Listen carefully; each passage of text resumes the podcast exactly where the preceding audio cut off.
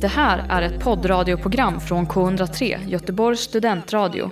Du hittar oss på k103.se. Av upphovsrättsliga skäl är musiken förkortad. Alltså det är det som många har sagt. Många har ju sagt att de, de blir livrädda för karaktären. Mm. Och jag tror att det är från att han är så lugn. Mm. Han, han är så pass lugn att man inte vet... Och charmig typ. Ja, och charmig. Ja. Och det är det jag tycker blir läskigt. Mm. För jag forskade ju om, alltså jag, jag isolerade mig och kollade fett mycket på dokumentärer om så här mördare och seriemördare och allt möjligt. Inte för att jag ville göra en seriemördare, utan mer för att jag ville veta vad de hade gått igenom i deras liv. Vad hade fått, vilket skit, alltså hur mycket skit hade de fått tåla? Vad hade de gått igenom som gjorde att de kom till den punkten där de var på i livet? Att de Mm. gjorde de här hemska handlingarna. Så jag ville förstå de människorna. Efter all research och jag byggde den här karaktären, jag byggde en backstory och jag kom fram till vissa synpunkter som han hade, han hade på livet, åsikten han hade om människor och hans kapacitet. Och det gjorde att han kunde vara så lugn. För om han vet vad han är kapabel till och han är Saki och han har jättemånga människor runt omkring sig som backar honom. Då blir man så lugn. Mm. Alltså då är, då är man så lugn för man behöver inte hävda sig själv. Alltså folk vet vad du är kapabel till. Man behöver inte gå runt och skrika. Man behöver inte gå runt och skriva, man behöver, man, Mm. behöver inte, man, alltså man behöver inte ens öppna sin mun. Folk vet redan Mm. vem du är. Och det är därifrån lugnet kommer, tänker jag. Att han inte är rädd, alltså han är inte rädd för någonting.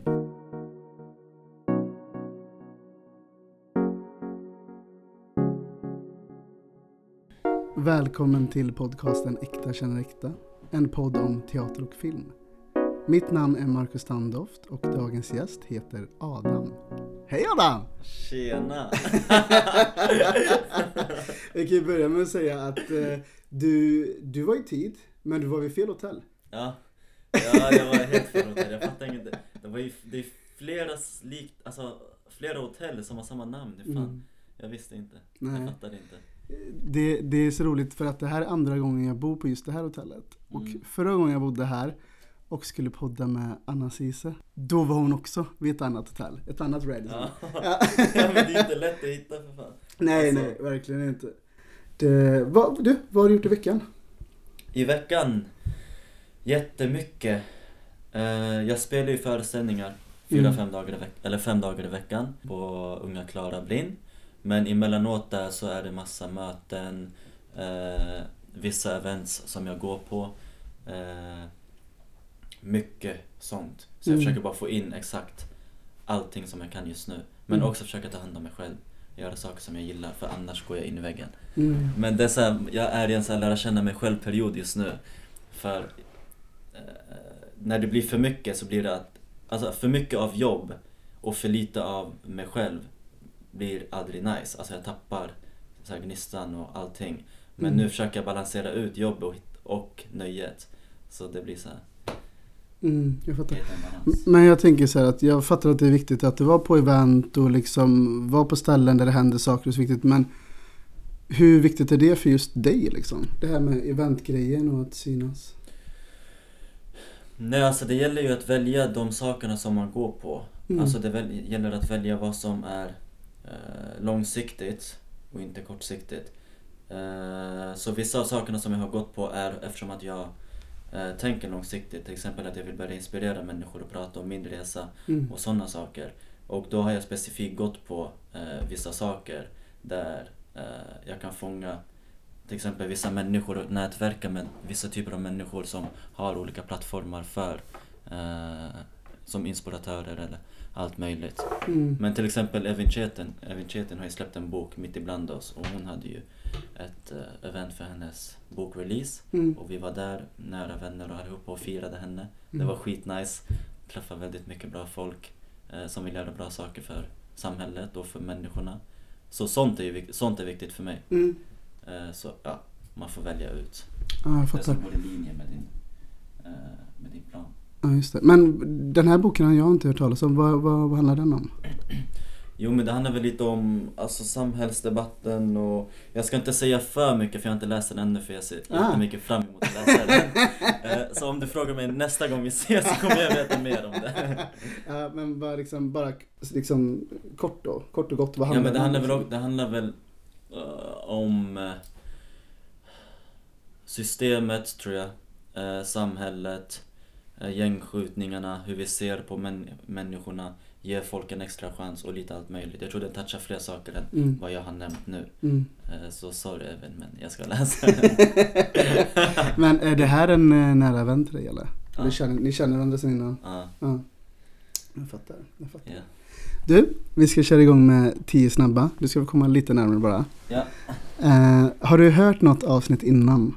Nej. Men det är perfekt för då är du inte förberedd på de här. Ja.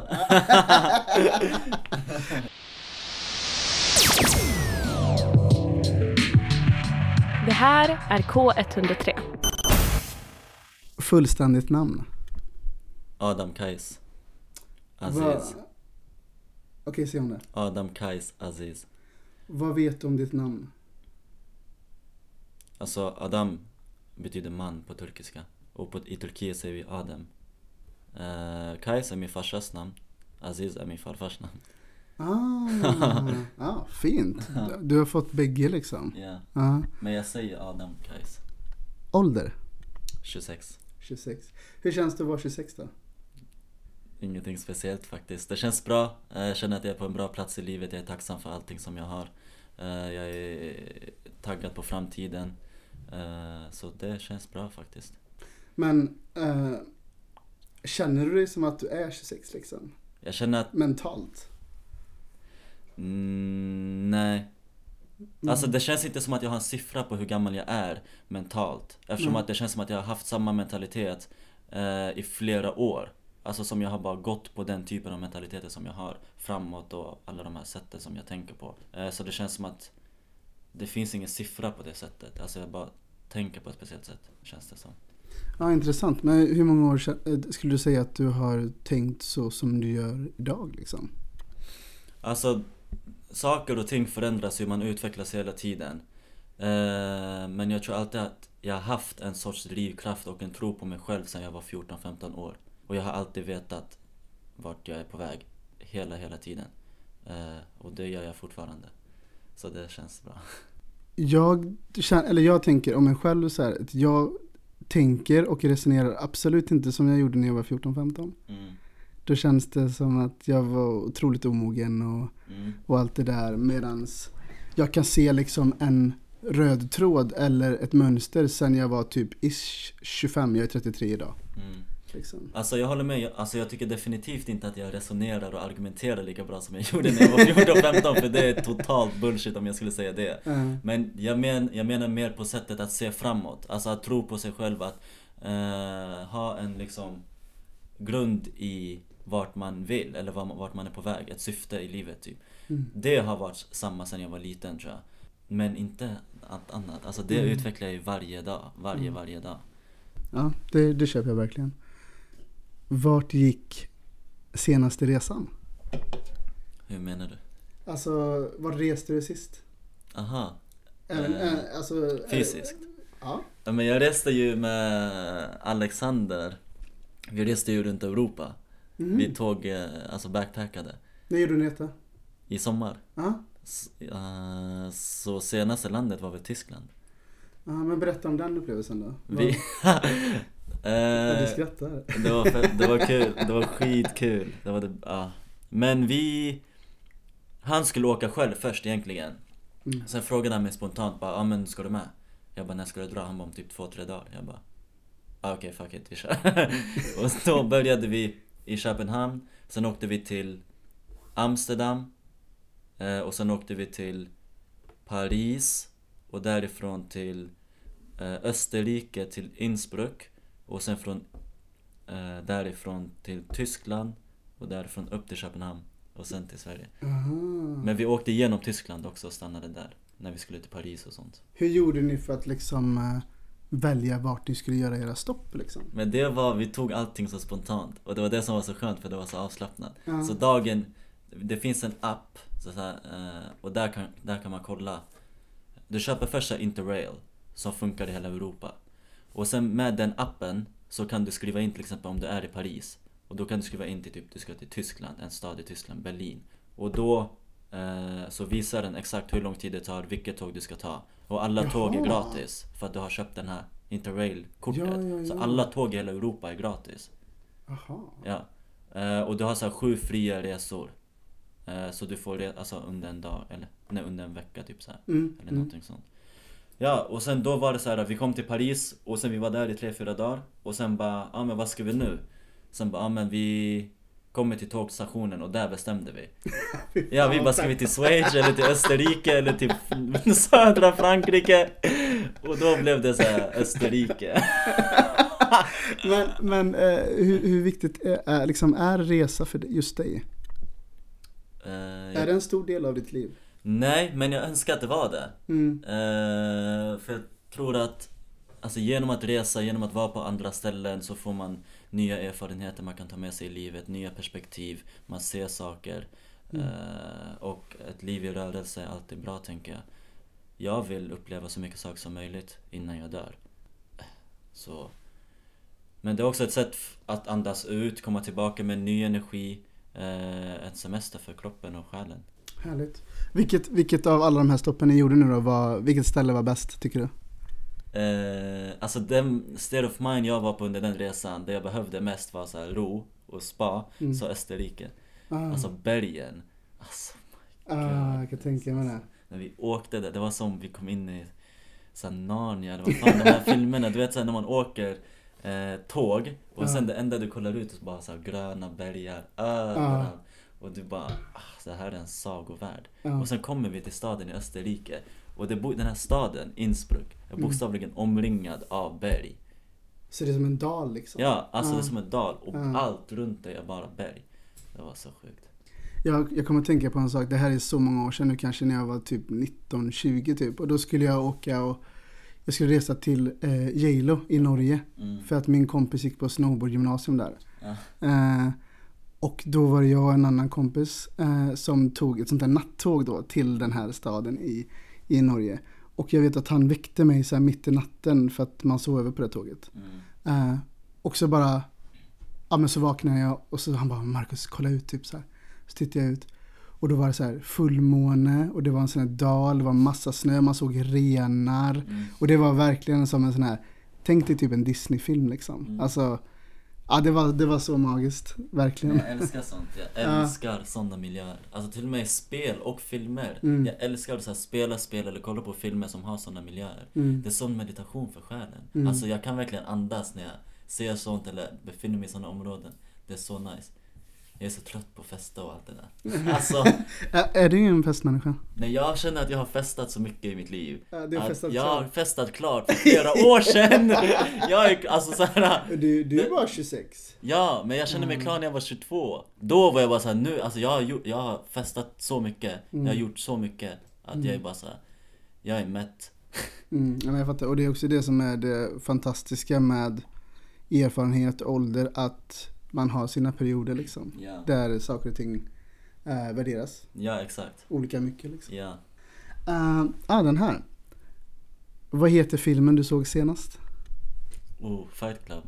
Ah, när, såg du den? Nu för två dagar sedan. Men det var inte första gången eller? Alltså det första gången jag såg den var flera år sedan. Ja, så jag jag mindes ingenting. Nej, okej. Eh, men just nu är jag inne på en sån här Edward Norton streak. Alltså jag, jag brukar alltid hitta en skådis som jag typ dör för. Och sen kollar jag på alla hans filmer som han har varit med i. Mm. Och nu är det Edward Norton. För jag kollade på Primal Fear. Vänta, var han med i den? Ja, ah, han var ju med i den. Mhm. Så jag bara shit, vad bra han var. Är jag helt ute och cyklar nu? Eller är det han som är med i American History X? Ja. Har du sett den? Ja, Den är ju, alltså, ja den är sjuk. den är så sjuk. Den är så sjuk. Ja, jag kommer ihåg jag grät som ett eh, barn första gången jag såg den. Ja. Men okej, men hur var det att se om Fight Club nu då? Alltså den var så sjukt bra. Alltså den var så bra. Alltså det blir, för jag har sån kort attention span. Jag, jag, alltså jag är så arbetsskadad när man jobbar som skådespelare. Mm. Det, är så här, det enda man gör när man kollar film är att man analyserar. Eller jag i alla fall. Kan analysera vilka val de tar, vad de gör, varför de gör de valen. Mm. Allt sånt. Nu fick jag för mig att kolla på gamla filmer för att jag tycker inte om nya filmer och nya serier. Jag tycker inte de har samma spark. Eh, så det var skitnice att kolla på Fight Club. Jag fick så ny inspiration. Ja. Fett ändå. Eh, jag ska bara berätta att det, för några månader sedan så såg jag Seven för första gången. Ah. Och du vet, jag kommer ihåg att jag var helt så här, jag, mitt huvud var helt så här. Jag, jag var helt mentalt Men slut. jag minns inte ens den filmen. Nej men du vet, det är ju med eh, Brad Pitt. Ja. Spelar en em, kriminalare liksom. Och, de, och han ska lösa ett, han ska hitta en seriemördare. Mm. Och den här seriemördaren ligger hela tiden steget före. Och jag hoppas att jag inte ljuger nu, men den här seriemördaren utgår från de sju dödssynderna. Heter det så? Mm, mm. Ja. Eh, så den, eh, se om den. Det, ja, den är sjukt bra. Är den. Ja, jag ska fan, ja bra. Jag Ja. ska, den kan jag verkligen rekommendera. Men det här är lite intressant och med tanke på att du sa att du inte var en, eller att du inte uppskattar så mycket om att festa. Hur ser en optimal helg ut för just dig? Eh, samla nära och kära. Ja, samla nära och kära. Sätta sig. Typ eh, ta ett glas. Ha lite snacks. Ost och älskar Mm. charkbricka och ost och oliver och sånt. Eh, och bara typ snacka eller spela eller göra någonting kul. Alltså, det tycker jag är alltså, hur nice som helst. Eh, och typ så här göra någon aktivitet tillsammans. Någonting bara kul. Alltså även om det är gå ut, men då är det så här gå ut med sina närmaste. Det är nice. Ja men typ sånt. Men snackar vi liksom barer eller snackar vi klubb då? Om det är klubb, då är det att, då ska man vara med varandra. Alltså för det blir, så, det blir så lätt hänt att alla splittras. Och jag gillar inte det. Eh, men senast, jag tror jag var ute för några veckor sedan och då var jag med mina närmaste. Närmaste min bror, min barndomsvän och en eh, jättenära till mig också. Och vi var verkligen allihopa samlade hela tiden. Så vart vi gick så var vi med varandra. Och det var den bästa utekvällen jag haft på flera år. Ah. För vi splittrades inte, folk Nej. sprang inte iväg och Nej. gjorde sitt, vi var bara med varandra. Och det var, alltså det var så nice. Men det här med, du sa innan att ja, men, ni ska samlas nära och kära och det är charkbricka och det är kanske något gott att dricka. Spelar det någon roll vart ni är liksom? Eller kan ni lika gärna vara hemma hos dig? Nej det spelar ingen roll. Alltså hos någon av oss. Bara man är tillsammans liksom? Ja. Mm. Ja det är fan asnice. Ja. Men sen gillar jag att, ta, alltså, att göra aktiviteter, aktiviteter och ta med mina närmaste till Mm. de aktiviteterna. Så det är nice. Alltså, jag ska till exempel på, jag ska vara med i Musikhjälpen. Mhm, Ja, då kommer du till Göteborg. ja exakt. Ja. Och då, det har jag fan inte ens sagt till någon, förutom dig. Ja. Men det här avsnittet kommer ut i eh, hmm, slutet av december eller början av januari. Ja, men då så, då har jag varit med. Men då ska till exempel min bror ska med, min barndomsvän ska med. Ah. Och sånt tycker jag är skitkul, alltså där vi åker eh, tillsammans, där Ja. de får vara med under min resa och vi gör alla de här sakerna tillsammans. Ja, ja, ja. Det är asnice. Ah, shit vad kul. Men nu, nu fattar jag att du kanske inte säger för mycket, men vad, vad är tanken att du, du ska göra i buren liksom? Eh, Vi ska bara, vi ska, jag ska bjuda ut en eh, jacka, Mm. Snabba Cash, eh, bomberjacka tror jag. Mhm. Och sen så ska vi snacka och ha kul och det blir en liten kort intervju, eller så här rolig Mm. eh, snack och sånt i buren. Typ så. Kollar du mycket på Musikhjälpen själv? Jag har kollat, alltså några år. Jag har haft Mm. typ alltid vänner som har varit med Mm. i det. Favoritrestaurang? Jag är så dålig på restauranger. Så nyss till min vän att jag behöver en lista på bra restauranger i Stockholm. Jag har fan inget svar på den där frågan. Nej. Jag, jag vet inte. Nej. Jag käkar bara det jag tycker är gott för den dagen. Eller det jag är sugen på. Men hur gör du för att hitta det du är sugen på? Jag vet inte. ja, men går du runt liksom och bara okej men det här ser nice ut, här går jag in. Ja, men det, det det, är en upplevelse varje gång. Det Mm. är ett projekt varje gång. alltså, det är... Jag vet, jag vet inte. Jag söker på google och sen går jag bara dit och chansar. Okej. Men det är väl asnice? Ja. Men till exempel, jag vet att sushi, Mm. jag gillar MGL. Just nu är jag ute på, alltså nu, just nu vill jag hitta en sån här restaurang som har nice kött. Eh, så ja, det är det jag Det finns en, en ganska känd eh, sushi-restaurang i Göteborg som du borde testa när du, när du åker ner dit. ja. Nu ska vi se, för jag kommer ihåg vad den heter. Den heter, den ligger på Avenyn. Cherry Lee heter den. Shirley? Mm, har du hört talas om den? Nej. Du får googla upp den sen. Ja, jag ska Så göra får du det. besöka den när du är i Göteborg. Du skriver till mig sen vad du tyckte. Ja, det ska jag du göra. kanske tycker att den är skit, men det tror jag inte. Vi har ju snuddat lite på det här innan, men Vad är viktigt för dig för att du ska må bra? Disciplin. Skitviktigt. Att hålla mig till mina moraler. Att inte tappa fotfästet. Att vara ödmjuk, tacksam för allting som jag har. Att jag har bra kontakt med mina nära och kära. Mina föräldrar, mina närmaste så här, vänner. Jag har en alltså, så här, tight cirkel.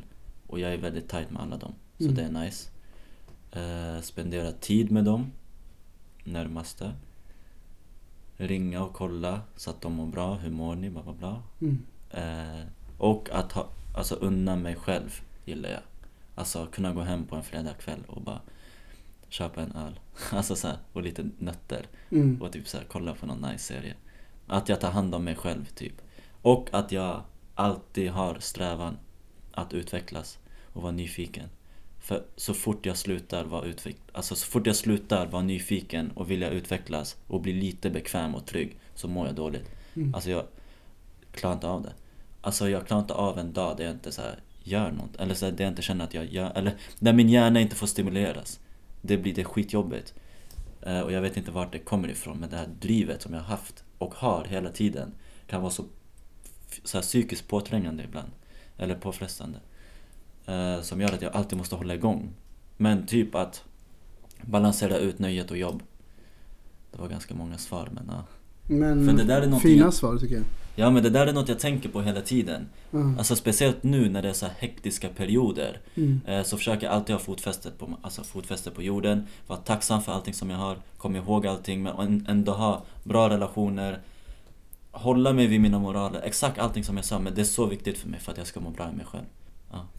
Hur, hur viktigt är egen tid för dig?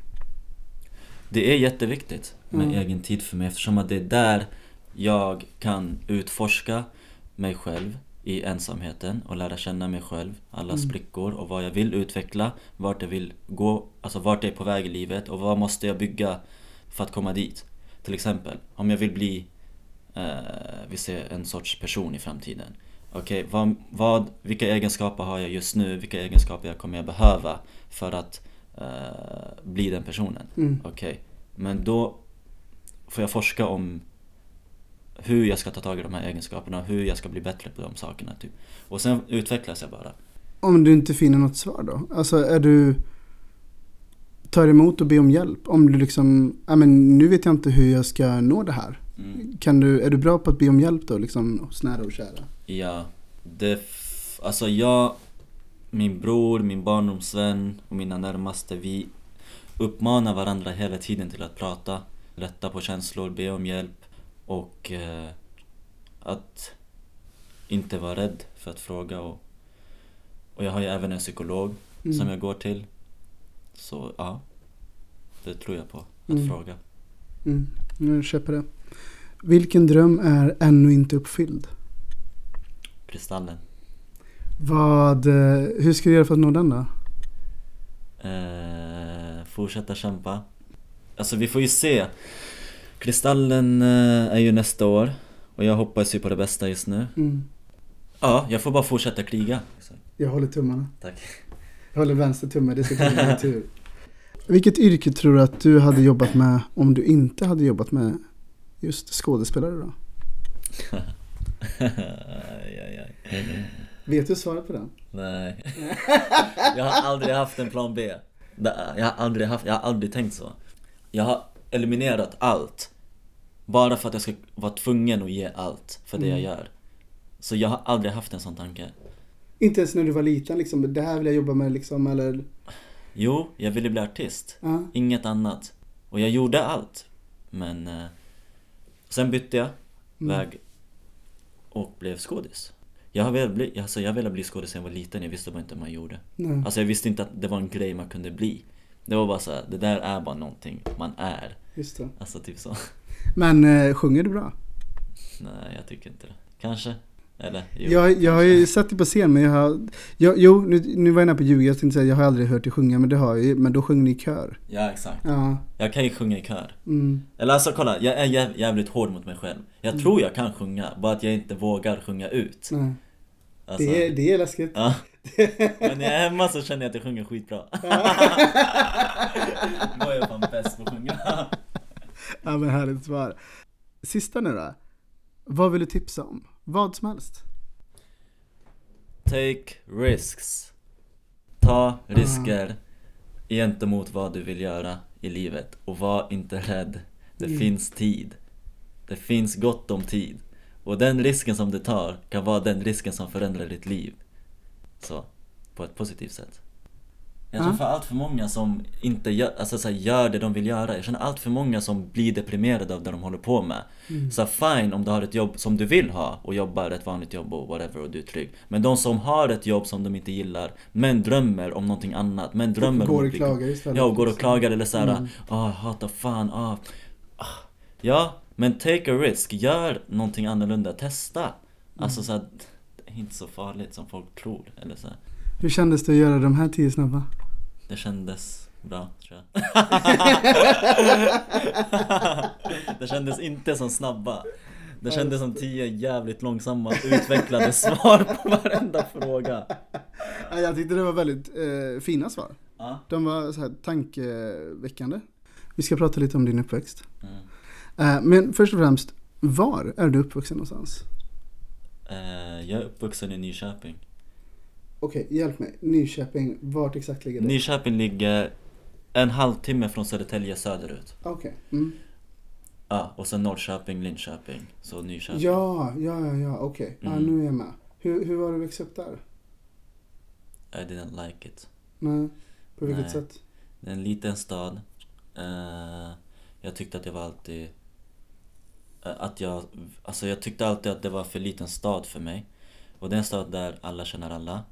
Så alla vet allt om alla. Och... Eh, jag vet inte, jag har inte så bra erfarenheter från den staden. Nej.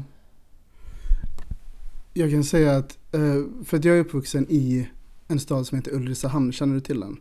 Mm. Den ligger ju mellan Borås och Jönköping. Det finns en skidbacke där. Man åker igenom den när man ska till exempel från Göteborg till Stockholm. Mm. Eh, och det kanske är en eh, 15-20 tusen invånare. Mm. Och ett gymnasium, något uteställe, några Mm. pizzerior. Och där är det verkligen så att där känner alla alla, alla vet allt om alla. Det man inte vet om sig själv, det vet någon annan. Alltså, är du med? ja. Så att jag kan förstå vad du menar när du säger så. Ja, alltså det är ju det. Men det är också att eftersom att det är en liten stad så är det ju begränsade möjligheter och förutsättningar. Mm. Eh, speciellt om man kommer från ett ställe där man inte... Alltså jag känner mig väldigt ensam i den staden gentemot mina drömmar och vad jag ville göra. Mm. Eftersom att jag kände inte att det fanns de möjligheterna och förutsättningarna för mig. Och sen så är det lätt att man växer upp med kanske vissa personer som inte går i linje med det du vill göra i livet. Mm. Alltså de har kanske andra saker och... Ja. Hur gammal var du när du flyttade därifrån? Vi flyttade med familjen när jag var 20. Okej. Och då flyttade ni till Stockholm eller? Ja.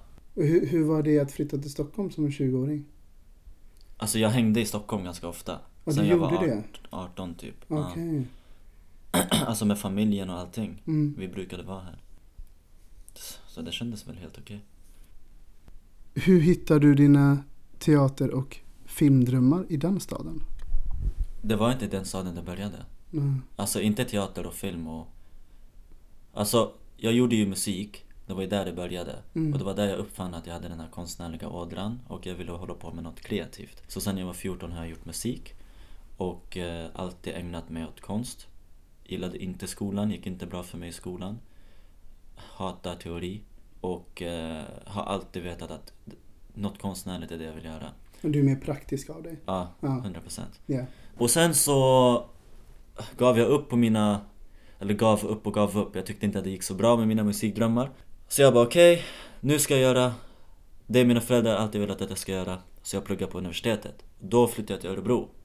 Pluggade där, en, två terminer. Mm. Men efter första terminen så var jag snabbt såhär, okej, det här vill jag inte göra. Och då var jag, pluggade gymnasielärare inom matematik och idrott. Ah. Men jag var så här 20 bast och jag gick ut på så praktik för gymnasiet. Och jag ser ut som dem! Alltså så här, jag, ingen kunde ta mig seriöst. Det var så här tjejer som kom in i klassrummet och bara "Ah, 'snygg praktikant' Alltså så här. Fuck that shit man! och jag var såhär, ha tatueringar på, alltså what the hell man? Nej, sa jag bara. Jag kände mig fan inte hemma där. Och så tänkte jag, ska jag bli en gymnasielärare? Jag har varit i skolan i 20 år. Ska jag vara en gymnasielärare och fortsätta vara i skolan i 40 år till tills jag blir pensionär? Exakt. Get the fuck out of here.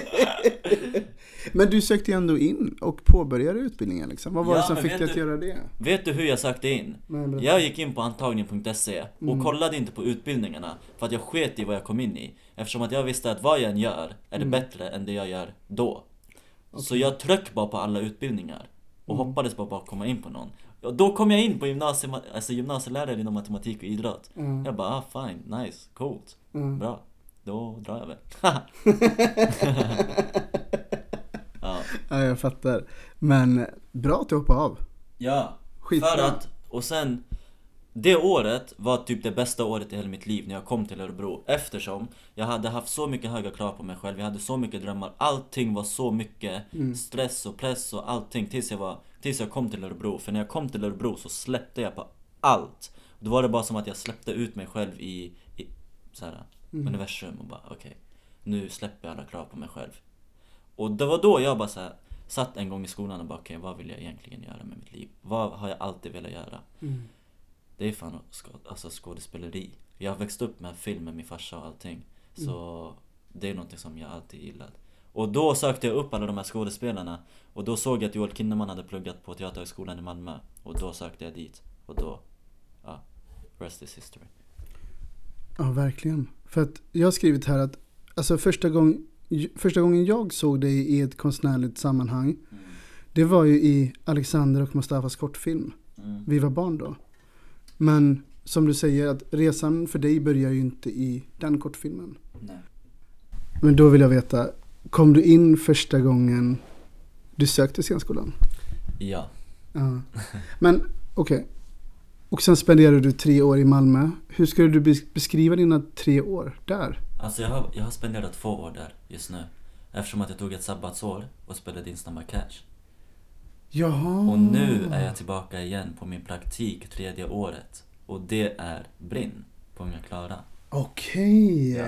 Ja, ja, ja. Så i vår ska jag tillbaka till Malmö och bara göra klart Okej. sista terminen Är det examensarbete då eller? mm.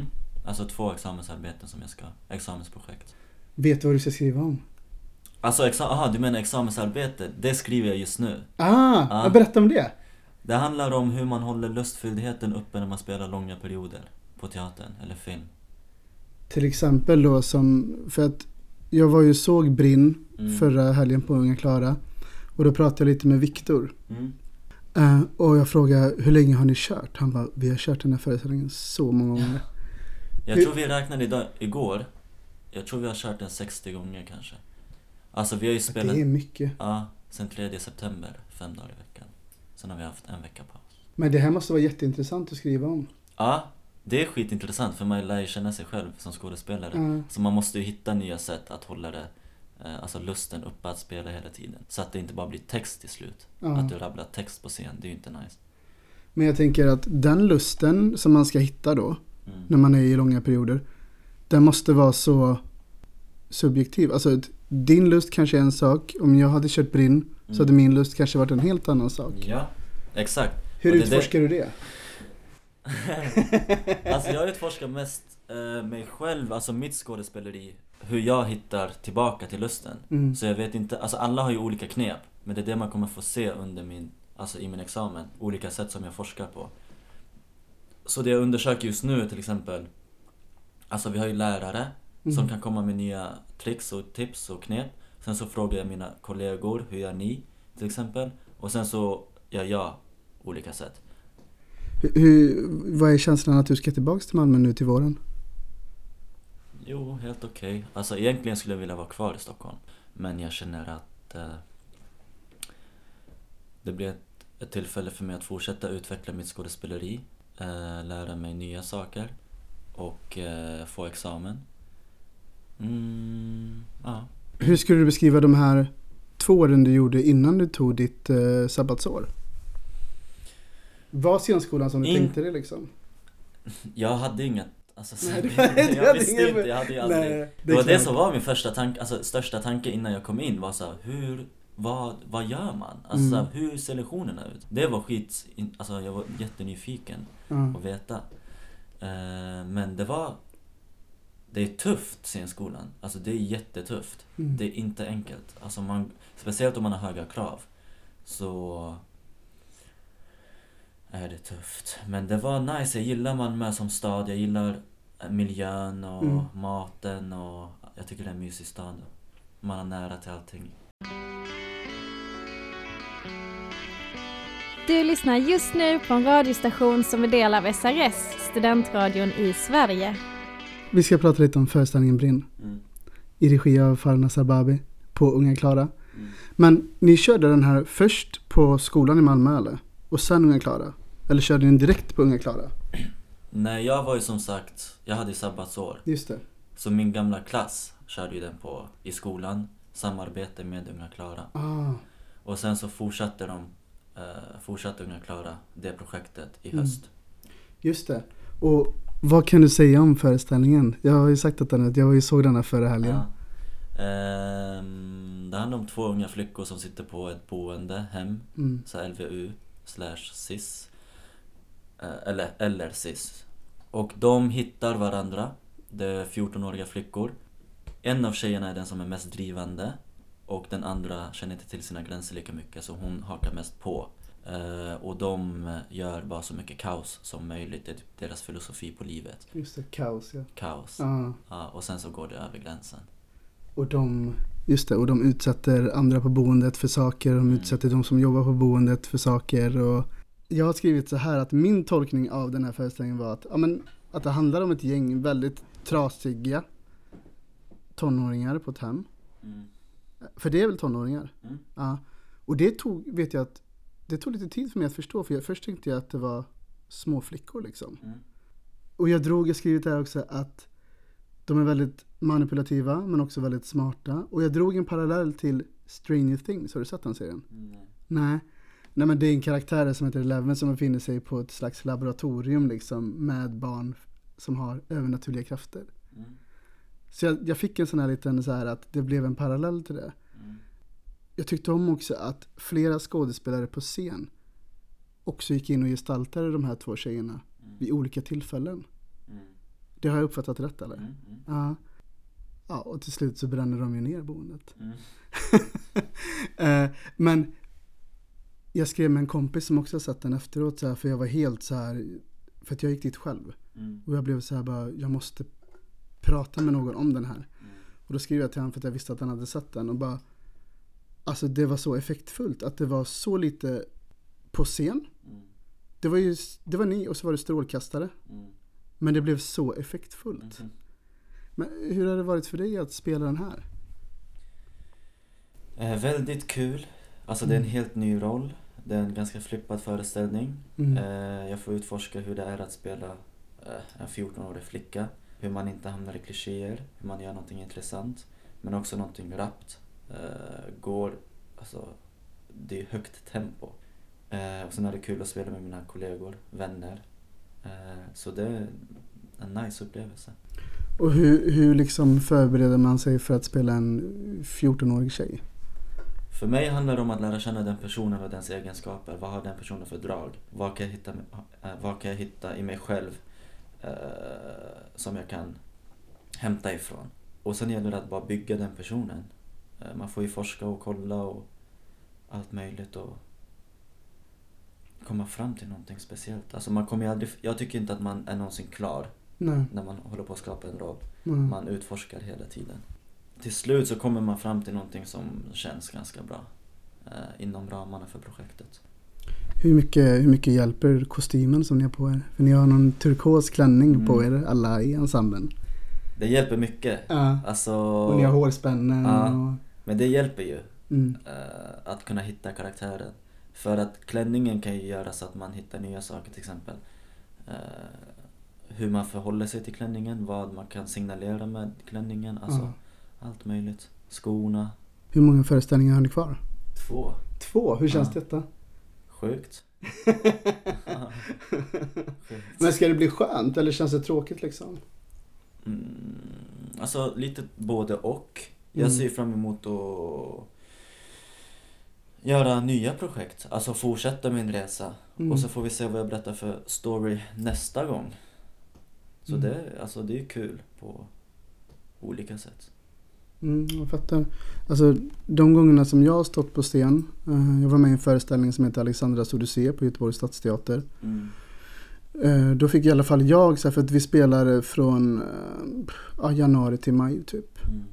Och jag fick, all, eller så här, jag fick en sån, fick nästan lite så här separationsångest Mm. eh, när den tog slut. Mm. För att det var så här, man hade repat så intensivt i åtta veckor och sen så hade man kört föreställningar några gånger i veckan och sen så bara över en kväll så var det över sen. Mm.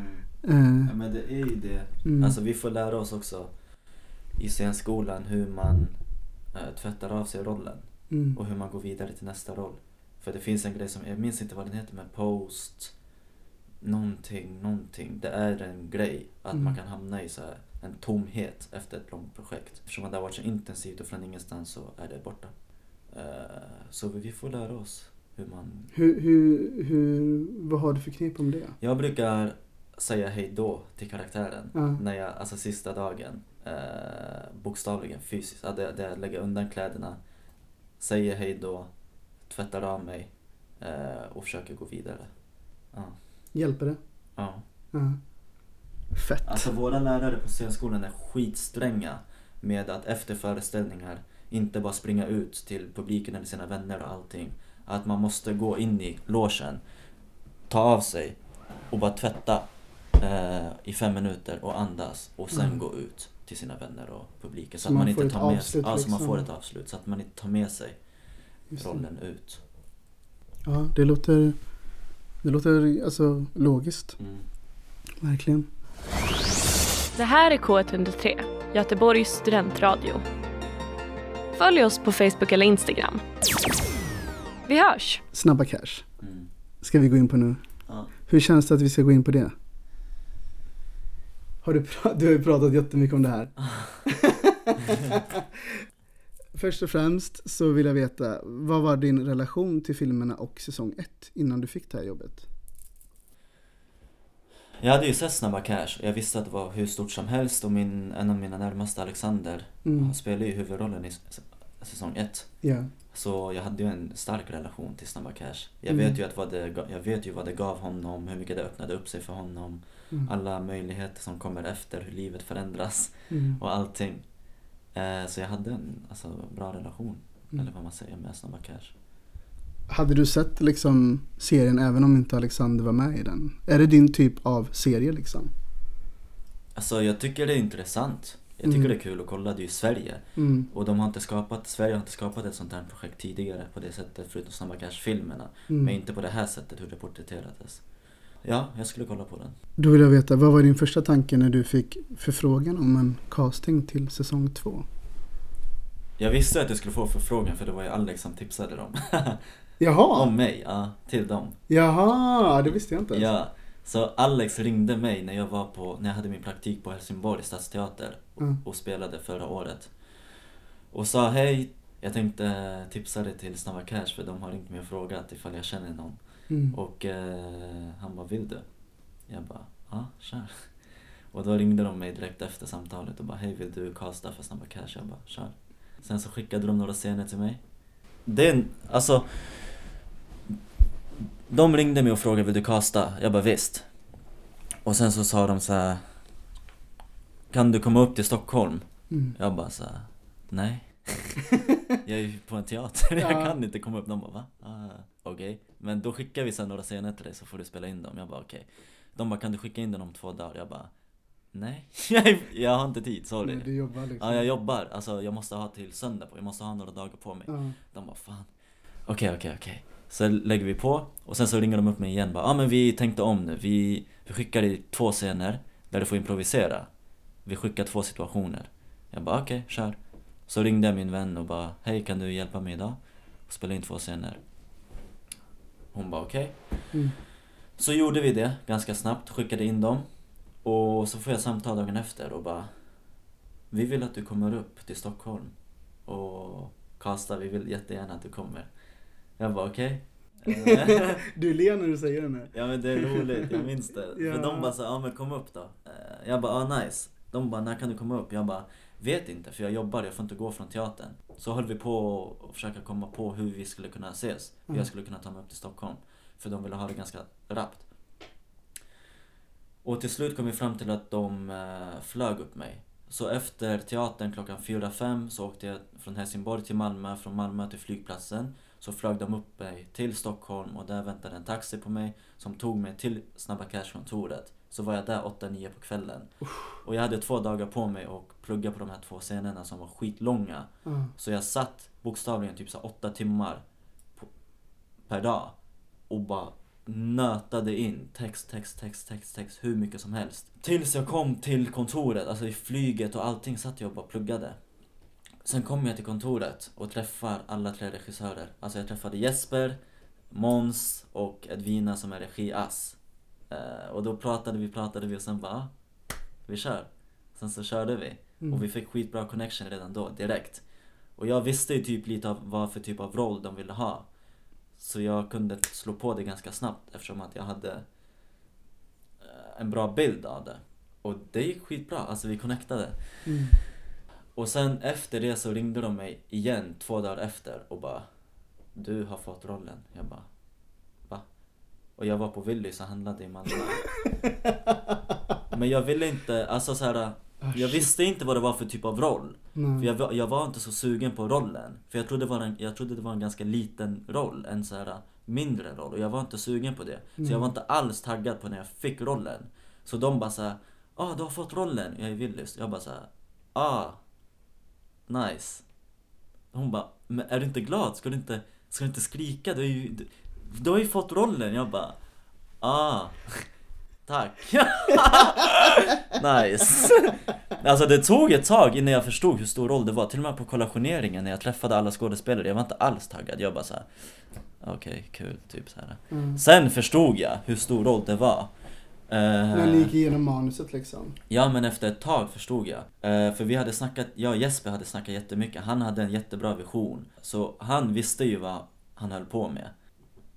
Eh, jag är så tacksam för alltså, min och Jespers relation. Och jag, jag var bara tvungen att lita på honom. Så det, alltså vi gjorde det tillsammans. Skulle Mm. jag säga, jag och Jesper. Jag har skrivit här. Fanns det några fördelar och nackdelar med att tacka ja till den här rollen? Fördelar absolut, det öppnar ju upp. Jag får ju chansen, det är ju min första roll, stora Mm. roll. Mm. Så jag får ju chansen att visa upp mig. Jag får visa, alltså jag får visa upp min, alltså så här, mitt skådespeleri, jag fick visa upp många sidor. Det var också viktigt för mig när jag gjorde rollen. Mm. Att jag fick komma med egna förslag. Så jag och Jesper jobbade ju väldigt mycket tillsammans. Vi ringde varandra ganska ofta. Och jag hade väldigt starka synpunkter på vad jag ville få fram. Jag var ju tvungen att humanisera, eller mänskliggöra den här rollen. Mm. Jag och Jesper tillsammans. Så vi hittar ju små sprickor hos min karaktär. Eh, och vissa val som jag kommer med. Eh, så till slut blev jag ju nöjd. Eller han och jag, vi blev nöjda tillsammans. Eh, nackdelar så nej. För jag känner att jag gjorde exakt det jag ville göra. Det som var din vision. Ja, alltså. det som var min vision, jag, vi fick igenom den tillsammans. Så det var skitnice. Ja. Fan vad fint. Den här frågan ställde jag till Alexander också när jag, när jag och han poddade. Mm. Första respektive sista inspelningsdagen. Vad minns du av dessa två dagar? Vi kan börja med första. Alltså den scenen jag castade för, det var den här scenen när jag skulle rekrytera kidsen. Ja. Så den scenen hade jag ganska bra koll på hur jag skulle göra. Men jag minns att jag var så rädd. Alltså för dagen innan att jag skulle tappa text on set. Och jag hade skitsvårt att sova. Men jag Mm. brukar oftast hamna i ett försvar, när jag, alltså för att inte bli nervös. Och för att ha fötterna på jorden. Och det är att jag tänker att jag inte bryr mig om något. Alltså jag bryr mig inte så, alltså jag försöker att inte bry mig så mycket. Ja, ha en lätt inställning. Ha en lätt inställning. Så det var en skitrolig inspelningsdag. Alltså det gick bra den, Mm. den dagen. Och det var den här när de barnen spelar basket. Ja. Är det första Det är inspelningsdagen? första inspelningsdagen som jag kommer till set Ah. och spelar in. Ja, ja, ja. Och sista då? Sista var skitkul. För jag minns att det var ju actionscenen i avsnitt 5. Det var sista, en av, ja det var sista dagen. Men då skojade vi runt som, alltså hur mycket som helst. Jag minns att, alltså vi hade ju vapen och jag fick, alltså det var blandade känslor för jag minns att när det var cut och det var över, vi alla bara sprang runt och ropade och skrek och firade och Mm. regissörerna, vi bara, ah, det var värsta känslan. Ja. Men jag minns att under hela Snabba Cash-perioden, under hela eh, sex månader som vi spelade in, Mm. så visste jag hur stort det var.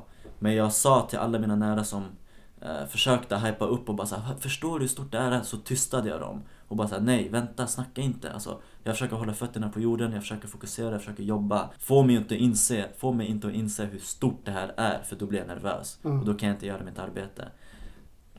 Så jag träffade inte så mycket folk under inspelningsperioden. Jag isolerade mig väldigt mycket för den här rollen som jag spelade. Och jag var väldigt noggrann med vad människor runt omkring mig fick säga och inte säga om det här projektet. För att jag skulle hålla fötterna på jorden. Ja. Det köper jag verkligen. Sista frågan om Snabba Cash. Mm. Vad tycker du själv om resultatet? När såg du den själv första gången? Liksom alla avsnitt? På premiärvisningen, en vecka innan det släpptes. Var det på Filmhuset? Ja, Mm. eller? Jag tror, nej. Det var på en, en bio i Slussen tror jag. Och då var hela Netflix-teamet och produktionen och eh, Snabba Cash-teamet och vänner och alla där inbjudna. Då såg jag alla avsnitt och jag var inte... Alltså jag tyckte att jag var så jävla dålig. Nej, varför det? Jag vet inte för jag har så höga krav på mig själv. Och att man som skådespelare, det oftast kollar ju inte skådespelare på det projektet man har gjort. Mm. Eftersom att man bara analyserar och hittar fel. Så jag minns att jag gick hem och ringde Alex och bara varför, vad är det här för problem? Alltså vad har jag gjort? Vad är det för jävla skit jag har gjort? Alltså allting, jag var bara så inte imponerad av mig själv så här. Och då hjälpte Alex mig och pratade, han stöttade mig och bla bla bla bla bla. och sa så här, men du får lita på projektet, du får lita på Jesper och det gjorde jag ju. Och han bara, om några månader kommer du tycka att det här är så bra. Nu kan jag kolla tillbaka och bara, ah shit, Mm. det var ändå ett bra, en bra roll som jag gjorde. Mm. Jag är nöjd, jag är stolt. Det ska du verkligen vara. Ja. Det ska du verkligen. Ja. Eh, alltså, jag minns när jag såg säsong två och jag sträckkollade så här alla avsnitt. Mm. Eh, och jag vet att jag såg inte den samma dag som den kom ut, utan jag såg den kanske två, tre dagar senare liksom. Mm. Och jag vet att jag var så rädd för att gå in på Facebook eller Instagram för jag vill inte få någon spoil om vad som hände. Men jag minns också min känsla så här att varenda jävla gång som din karaktär, Saki då, Mm. kom in i rutan, Mm. då blev det så här, då satt man så på helspänn för man hade ingen aning om vad han är kapabel till. Ja. Eller vad som ska Ja. ske.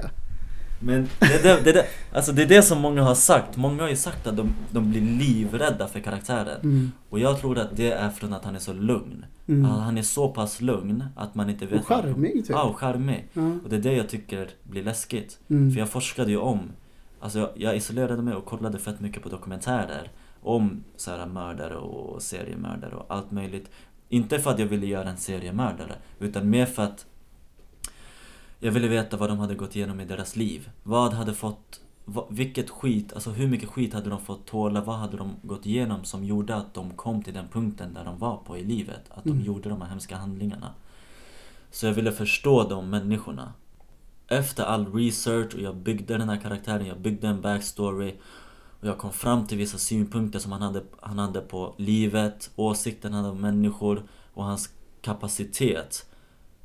Och det gjorde att han kunde vara så lugn. För om han vet vad han är kapabel till och han är Saki och han har jättemånga människor runt omkring sig som backar honom. Då blir man så lugn. Mm. Alltså då är, då är man så lugn för man behöver inte hävda sig själv. Alltså folk vet vad du är kapabel till. Man behöver inte gå runt och skrika. Man behöver inte gå eller- runt och skriva, man behöver, man Mm. behöver inte, man, alltså man behöver inte ens öppna sin mun. Folk vet redan Mm. vem du är. Mm. Och det är därifrån lugnet kommer, tänker jag. Mm. Att han inte är rädd, alltså han är inte rädd för någonting. Intressant ingång. Ja. Vi är snart klara här nu. Ja. Hur, hur känns det hittills? Skitintressant. Eh, Känns det läskigt att vi sitter här och snackar? ja, alltså jag har pendlat väldigt mycket mellan känslor under just den här podden som jag inte har gjort förut. Okej, vad intressant. Jag har pendlat mellan glada känslor, ångest också. Jag vet inte varför det blir det kan bli så ibland. Speciellt när jag delar med mig saker av mig själv. Eh, men... Ah, jag vet inte, jag pendlar mycket mellan känslor känner jag. Mm.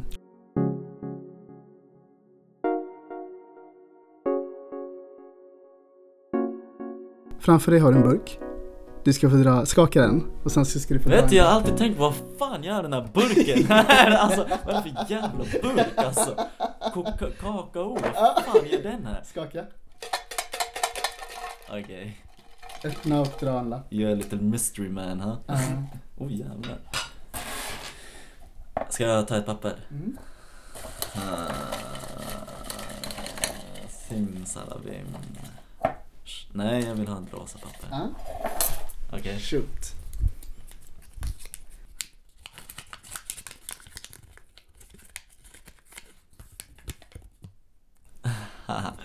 Sånt som du dagdrömmer om? Ah. Frågetecken. Mm. Ska jag svara på det? Ja, vi ska snacka om det här. Vad, dagdrö- vad dagdrömmer du om? Intressant att just du fick den här lappen också. Mm. Just nu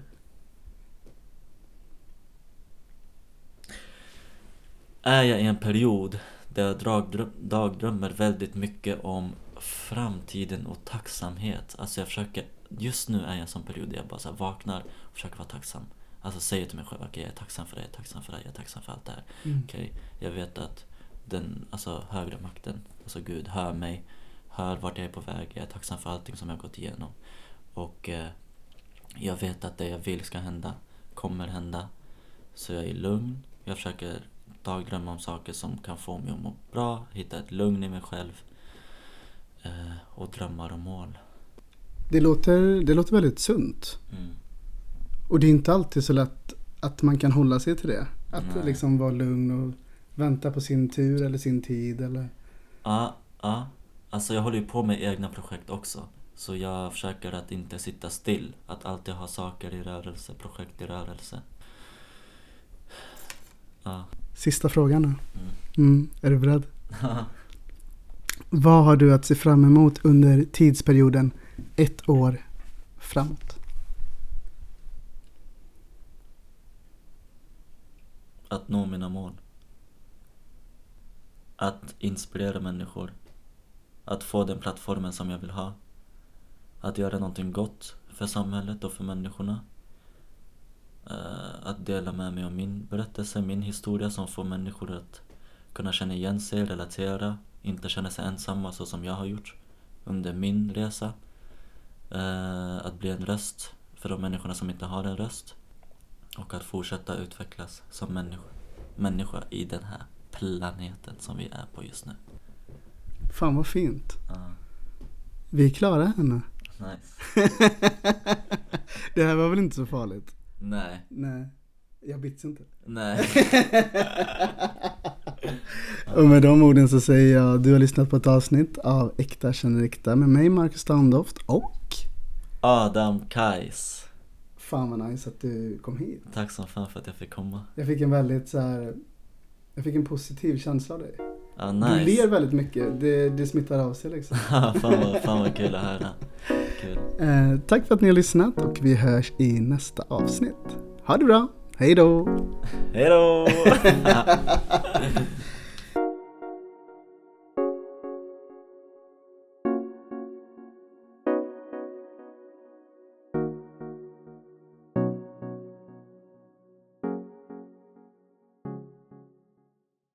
Du har hört en poddradioversion av ett program från K103. Alla våra program hittar du på k103.se. Följ oss gärna på Facebook eller på Instagram. Vi hörs!